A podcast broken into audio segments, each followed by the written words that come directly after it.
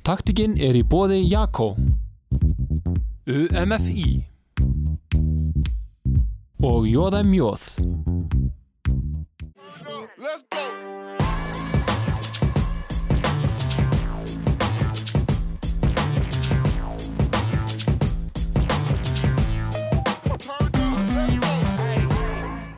Já, komið sæl og velkomin í taktíkina. Umfjöldunarefni í þessum þætti verður körfubolti og ég kom með virkilega góðan gest til mín í setti til þess að ræða þau mál. Hannes Jónsson, formaður KKI, velkomin. Takk fyrir það. Þú ert já, ekki kannski með þessa hefbundur leið inn í körfuboltan, ef að svo má segja. Nei, kannski ekki. Ég hérna, það var þannig að þegar ég var hvað, 14-15 ára gammal og þá er ég nú kópúðsbúi og í kringum breyðablík og var að hefa fókbólta svona uh, í, í, í yngri flokkum og annað og svo hérna eiginlega detti bara inn í körubóltan því ég er 14-15 ára. Ég hef aldrei spilað körubólta. Þannig að hérna, ég svona einhvern veginn dett þá inn þar að aðstofa frænda minn sem hefði verið nýkominn frá bandaríkjónum og, og hérna, hann nefnitt hérna, kynntist körubóltanum þar sjálfur og hérna var á því að þetta væri bara íþróttinn og við fórum að skoða það að vera með körubólta í breiðablík og það var til körubólta deildar en hún var lítið, svona lítið virk.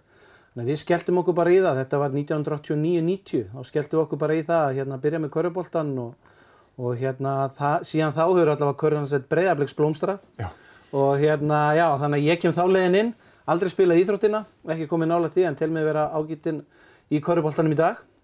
Og svo veginn fóð maður upp þann stega, tók við sem fór maður þeirra deildar og í aðalstjórn breyðabliks og stjórn UMSK og svo í stjórn KKI og, og svo bara kom inn í það að verða formað KKI síðan allt í einu, það var veginn aldrei á dasgráni sko. Nei, þetta er svona eitt liðir að öðru, og, en kannski er það líka bara með ungan dreng, hann áser ekkert endilega þann draum að vera formaður KKI. Nei, alls ekki. Og ég held, veist, þess að segja, hvað, ég held að fáir ungi drengi viti þannig laga bara hvað KKI eða þannig sérsamband eru um að fyrir út í það. En nei, það var alls ekki draumurinn og ekki eitthvað sem ég hérna hafði ákveðið að fara í. Ég var meira að horfa á það, henda mér í sálfræði setna meira eða eitthvað svoleiðis og var einhvern veginn búinn að horfa á það svolítið. En þetta var leiðinn og núna hátt í 30 ánum setna þá er ég ennþá að og það er bara skemmtilegt. Eins og ég segja, meðan maður er ennþá með hugan við íþróttinu nr. 1 og 3 og þetta svona það sem að brennu fyrir. Ég er það heppin að það fengi að kynast líka því ég byrjaði það ungur og var það ungur í stjórn breyðabliks, ég var það ungur að fara að sækja stjórn KKI, hérna segi ég ásþing KKI, ég held að sko í dag sé engi búin að sækja mörg þing eins og ég hjá KKI, ég held að, eins og ég segi þetta var í kringu 90, ég fekk að kynast öllum gömlu kempunum, ég var það heppin, ég fekk að meira sér að kynast fyrsta formanni KKI, Bógaheitnum Þorstensinni, Ég er náttúrulega á góða vini í dag sem að voru í Körubólta sko, bara þegar Körubólta var að byrja á Íslandi. Eins og ég segi alltaf Kolbeitt Pálsson, Einar Bollarsson, Gunni Gunn, Jón Eisteins. Þetta eru snillingar sem að ég fæ að eiga að. Dolla heitin sem að dó núna í, hjá, í hérna janúar.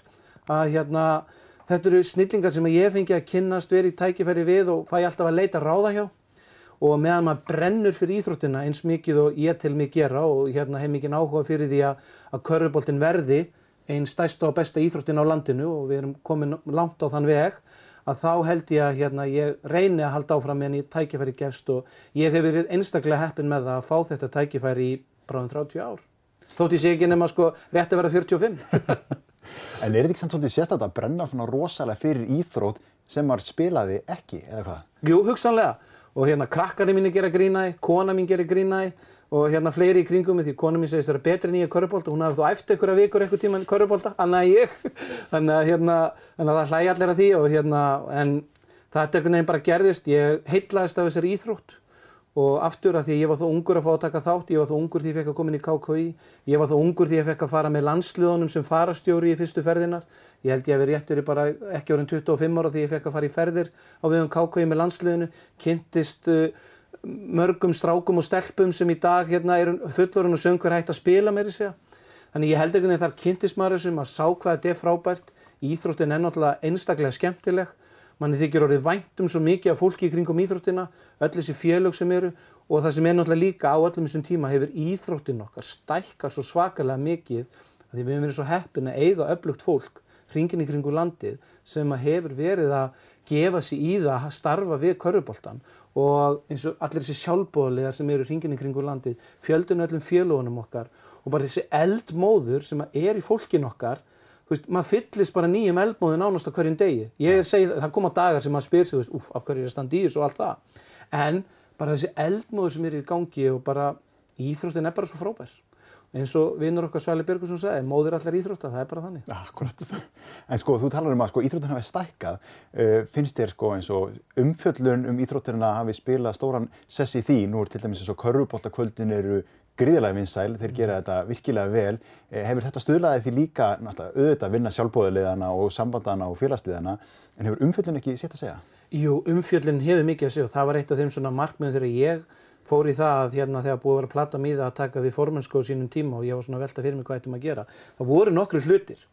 Það var að auka umfjöllun, byrja fyrr með krakkaði körubólta því að þegar ég tek við fyrir, þegar að verða nú 12-13 ár síðan sem formaður, þá voru ennþá allt of ungi krakkar sem voru ekki að koma í körubólta. Við vorum kannski að byrja körubólta 9-10 ára. Ég sá fyrir mér, ég, við myndum byrja að fá krakkana fyrr inn í það sem kallað í dag krílabolta og, og, og, og yngri boltana 5, 6 ára, 7 ára, 8 ára. Þetta voru svona stóra atriðin. Mér langaði líka að auka út í kauruboltavelli. Og það múið segja kannski að það sem hefur gerst er að umfjöldin hefur náttúrulega markvaldast.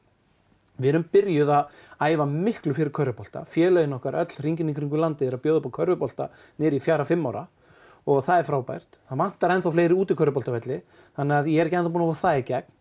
Og þetta hefði ekki tekist nefnum öllum þessum eldmóði fólksinn sem er að vinna með okkur. Þú veist, ef að það hefði ekki tekið boltan, haldið áfram og svo kemur þessi umfjöllun, þessi samningar sem við erum með eins og við stötu sport varandi dóminustildina, uh, við rúf varandi geysisbyggarinn og síðan hérna landsliðin okkar.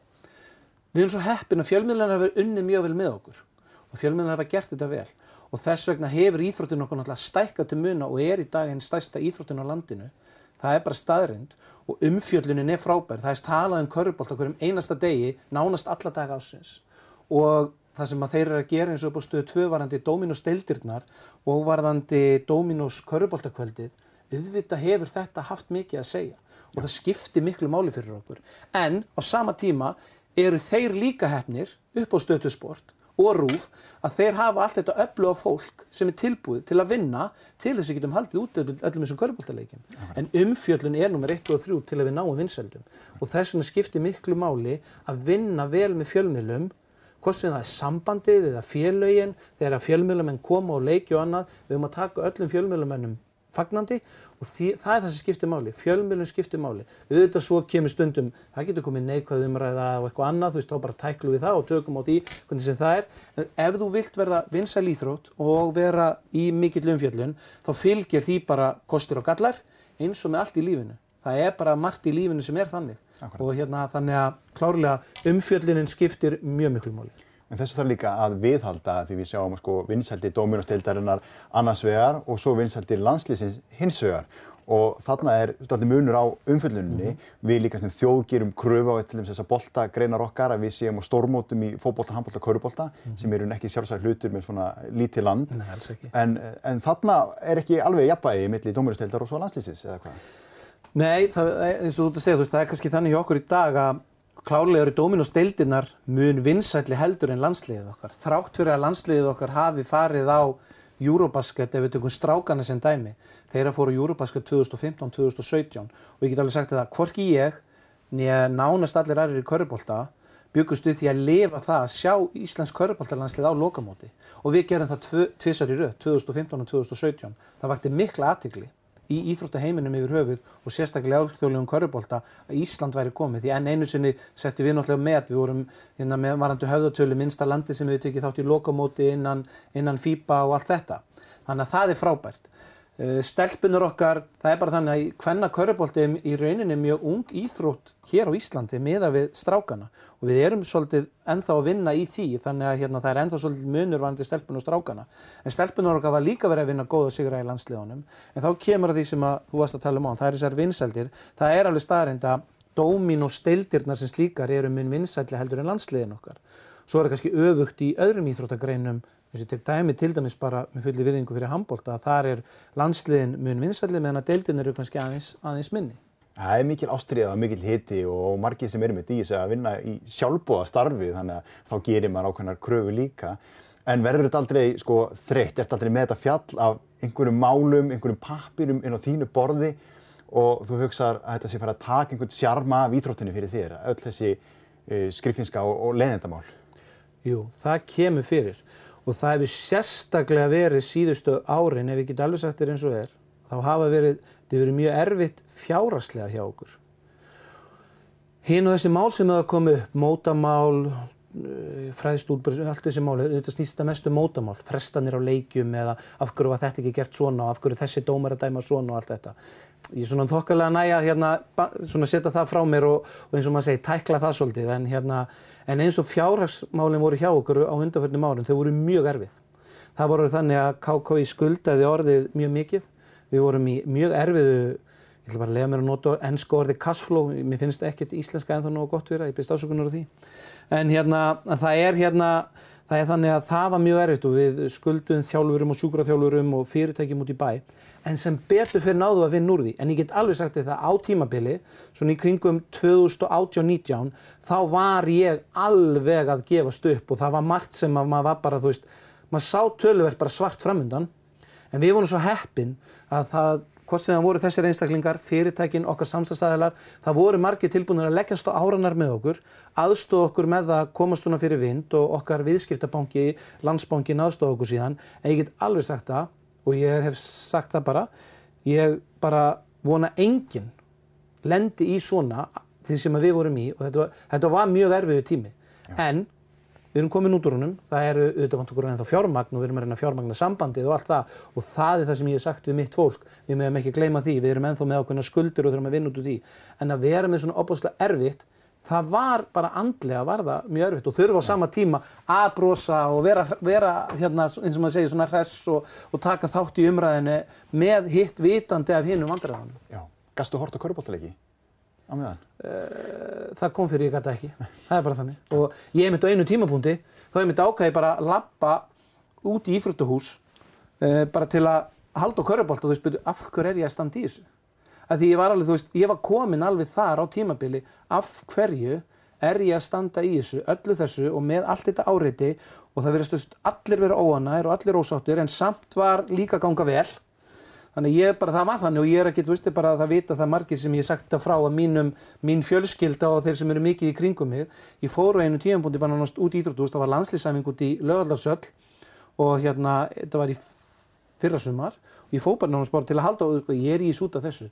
Og svo náttúrulega sér maður alla krakkan og hvað er gaman og uh, ég bý á Akranessi og maður kíkti inn í Ídrútús og sá krakkana þar á æfingum, maður kíkti á hérna á fjöllega móti í öðrum yngri flokkum, þá fekk maður bara gleðin aftur Já. og þá finnur maður það og maður finnur núna að núna hefur maður tíma aftur til að pínulítið að sjá, horfa til framtíðar og sjá hvað við getum gert vegna þess að það er fullt af hlutum sem við getum gert betur.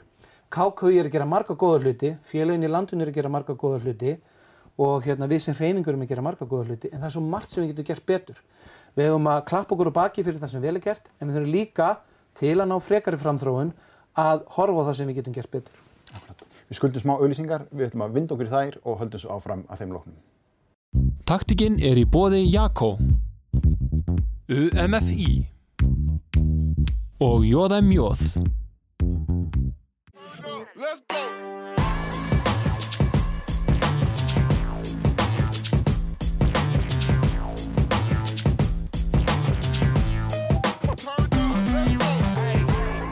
höldum áfram hérna í taktíkinni, formaður KKÍ hérna hjá mér í, settinu. Hannes, við tölum bara um sambandið og það starf sem er þar innan. Eh, þetta er oft starf sem að maður sér ekki og sem áhorfandi á körfubólta, maður er að fylgjast með sínu liði og öðru liðum, leikjónum og svo er þetta samband þarna fyrir ofan sem er að taka oft þessar óvinnsælu ákvarðanir. Mm -hmm. En það er í raun líka ykkar hlutverk. Það er líka þessi ábyrð sem færst í því annars vegar að taka ákvörðun og hins vegar að taka ekki ákvörðun. Uh, segja okkur hans frá þessu. Algjörlega. Og þetta kannski á við mest við kemur að þessu mótamálum og annað og við horfum á bara þann vetur sem við erum að vera í núna sem búin að mjög erfið veðufarslega og við erum allir mjög heppin í okkar frábær íþrótt að vera hringin í kringu landið en það gerur okkur líka stundum erfitt að búa í Íslandi og veðrið er eins og það er. Og það er oft mikið um það, það kemur í umræðina að það, það er eitthvað veðurspó eftir tvo dag og það á að fresta leik eða ekki fresta leik og það er svolítið eins og þú sagði sko þá eru við svolítið þannig yfir að taka þess ákvörðin og við erum í því við erum að taka ákvörðun um það hvort við eigum að fresta eða ekki fresta. Já. þannig við erum alltaf að taka ákvörðun á hvað sem er veist, það er ekkert bara að við tökum ákvörðun um að fresta ekki vegna þess að þá er búið að ræða það og farið við það. Og það er náttúrulega hlutverk uh, móta nefndar og móta stjóra hjá okkur svolítið að vera í þessu. Og hérna við tökum oft óvinnsælar ákvarðanir hvort sem það er að halda leiknum áfram eða fresta.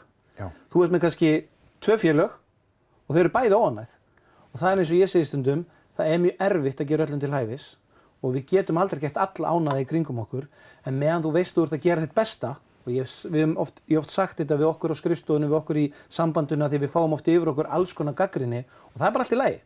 En meðan við vitum að við tókum ákvörðuna af yfirveguðu ráði og það sem allir geta treyst á þegar kemur að KKI og hverjandasambandinu að við sem erum í kringum þetta, við tökum alltaf ákvörðun út úr því sem við teljum best hverju sinni. Það er bara þannig. Engur þarf að taka ákvörðunina og, og það er oft líka óvissu þætti þann inni. Þið viti ekki hvernig ferðin þróast á að senda lið uh, söður, kemst það tilbaka, breytist veður, því stjórnir því ekki. Svo er þetta mál sem við vorum að ræða sem að núna dinnur á, það er COVID-veran. Þið viti ekki hvernig staðin eru því Nei.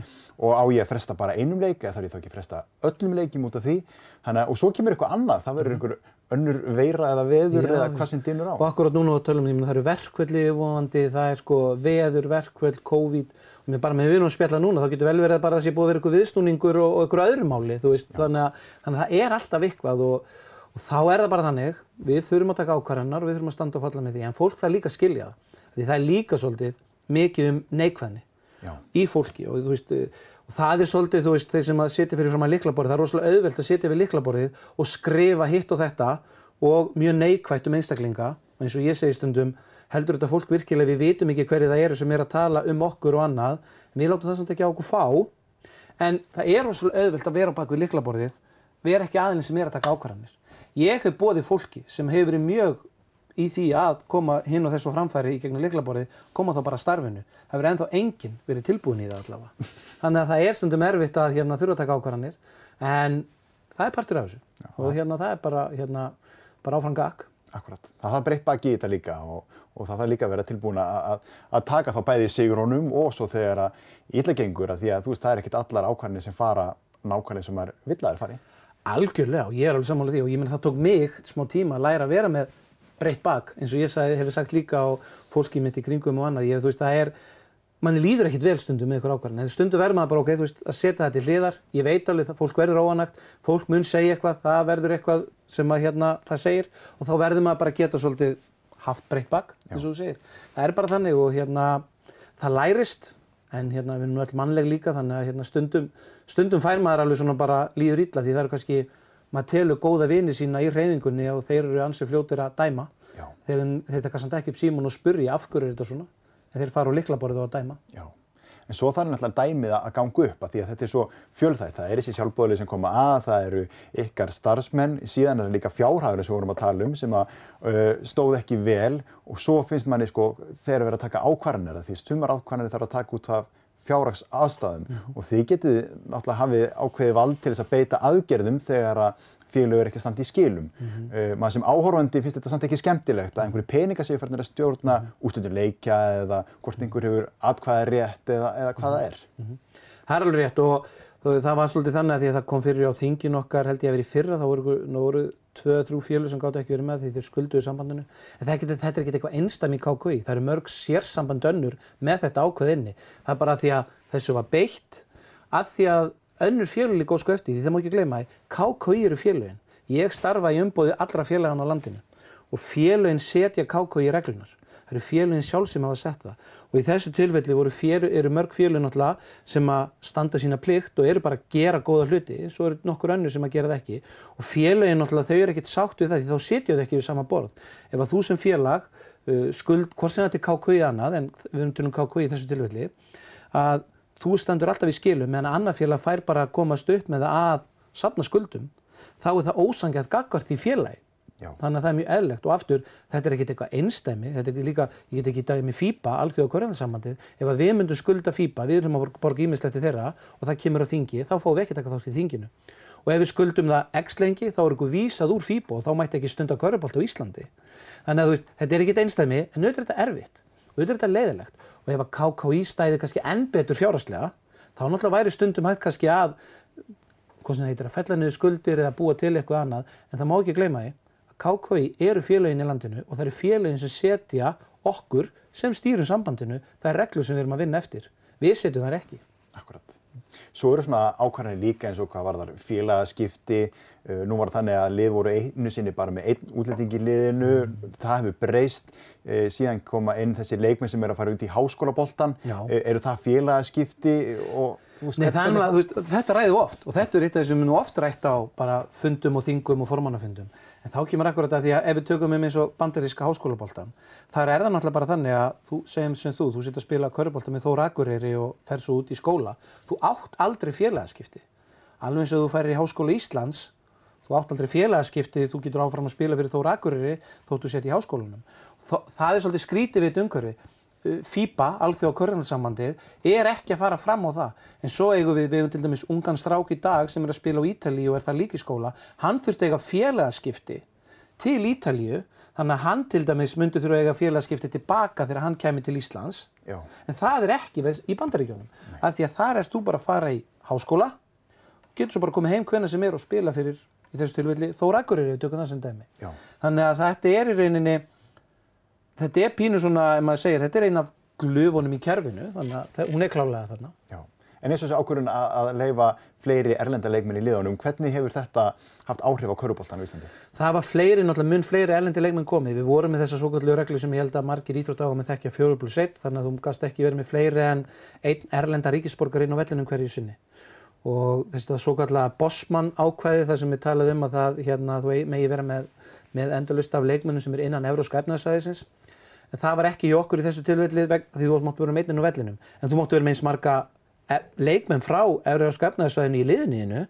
En Brussel sem sagt fór og, og það var kvartað þangað og allt eðlilegt við það. Nefn að það, hérna, það var sett komið tilmæli frá þeim.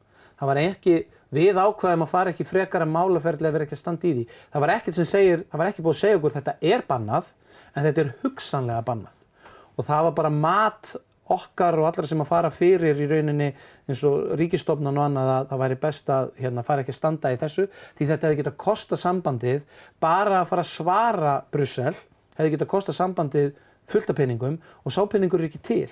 Við hefðum getað staðið á okkar en aftur sambandið alltaf þurfti að fara út í tölverð fjárútlát við það og það er eitthvað sem við mátum en við gáttum ekki gert. Og þar að leiðandi núna er eru uh, búið að breyta reglum að það er frjálst flæði innan ES en þú mátt bara með eitt bandaríkjaman eða Já. eitt frá þá Kína eða hvað það er Já. en það er frjálst flæði innan ES Já. En nú er þannig náttúrulega að þá eru félug farin að vesla sér leikmenn, það kostar að fá leikmann til liðsins síns. Uh, við sjáum líka að það er dátur mikill munur á getu í efstu deild og svo næstu deild fyrir neðan, þetta er Mhm. stökk sem þarf að taka. uh, er fjárastlega stökki líka orðið mikið út af þessu? Já, flest félagin svara þessu nei þau segja bara nei, þetta er ekkert að kosta okkur svo mikið en þetta kostar þetta þegar þú ert með leikmann sem er hjá þér, erlendan leikmann það þarf húsnæði og það þarf ég menn allir sem kom að spila inn á körubólta þeir þurfa að fá okkur að lámast framfæslu til að lifa af. En þetta kostar þetta. Og það er alveg staðrind en það er ótrúlega mörg félög sem að horfa fram að nýja okkur og segja bara nei, þetta er bara, kostar ekkert svo mikið. En auðvitað kostar þetta eitthvað. Og þetta hlýtur að vera dýrara að vera með nokkra erlenda leikmenn hjá sér og á launum heldur en hérna annað. En svo er það líka hitt sem er náttúrulega íslenski leikmenn hafa heldur ekkert, því við erum að horfa á þetta svolítið þótt að þessi fjöldi erlenda leikmann í öllum liðum. Það verður samt svolítið þannig að íslenski leikmenn er ekkert mikið til í að fara upp fyrir ártúnsbrekku þeir sem eru þarna á höfubarkasvæðinu. Þannig að auðvitað er þetta líka hamlandi fyrir þá félagin sem að voru, veist, það er ekki að fara með henni upp í Þór Þorlósöfn eða Skallakarinn í Borganissi eða annað. Veist, það var erfitt fyrir þessi félög að fá leikmenn að íslenski leikmenn voru ekkert að vilja fara þarna upp yfir. Já. Aftur eins og ég sagði áðan, ég finn þetta búandi á Akranesi að hérna fólki finnst það bara stór furðulegt að ég sé að keiri vinnuna til Reykjavíkur hverjum einasta degi. Þú veist, þetta er engin vegalengt, sko. Nei. Ef við værim erlendist þá væri þetta ekki neð, þá þá væri engin að tala um þetta. Þannig að þú veist, það er líka svolítið þannig að mér finnst líka ábyrðin líka í því að leikmenn, íslenskir mega líka alveg fara meira og hérna bara kynnast í hvernig er að vera annar staðar á landsbyðinni.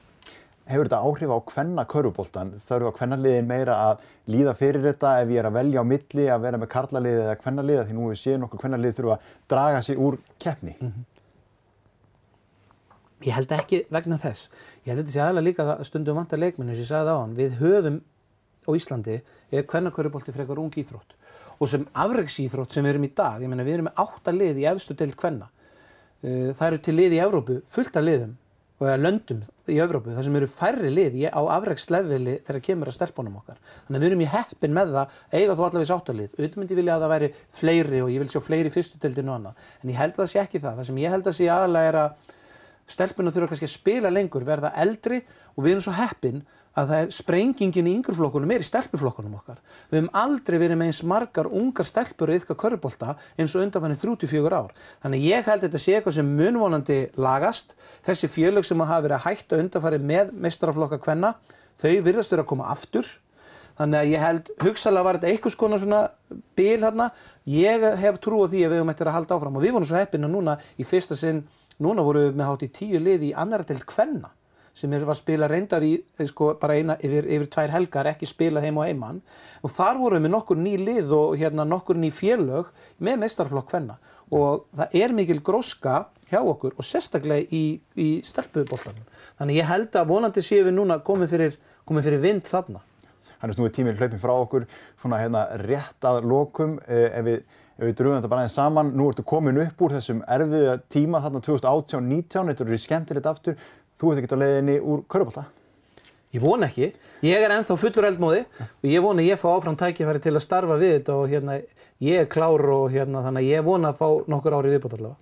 Frábært. Takk kærlega fyrir komuna Hannes og gefur þessa innsýn í starf KKÍ. Takk fyrir það. Og takk fyrir áhörundur. Ef þið hafið mistað þættinum þá er líka alltaf hægt að ná okkur á podcast, YouTube og n4.is. Við sjáum svo hress í næstu viku.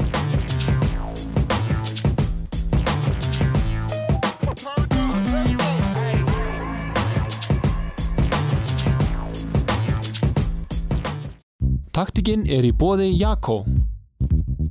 UMFI og Joe's Akureyri.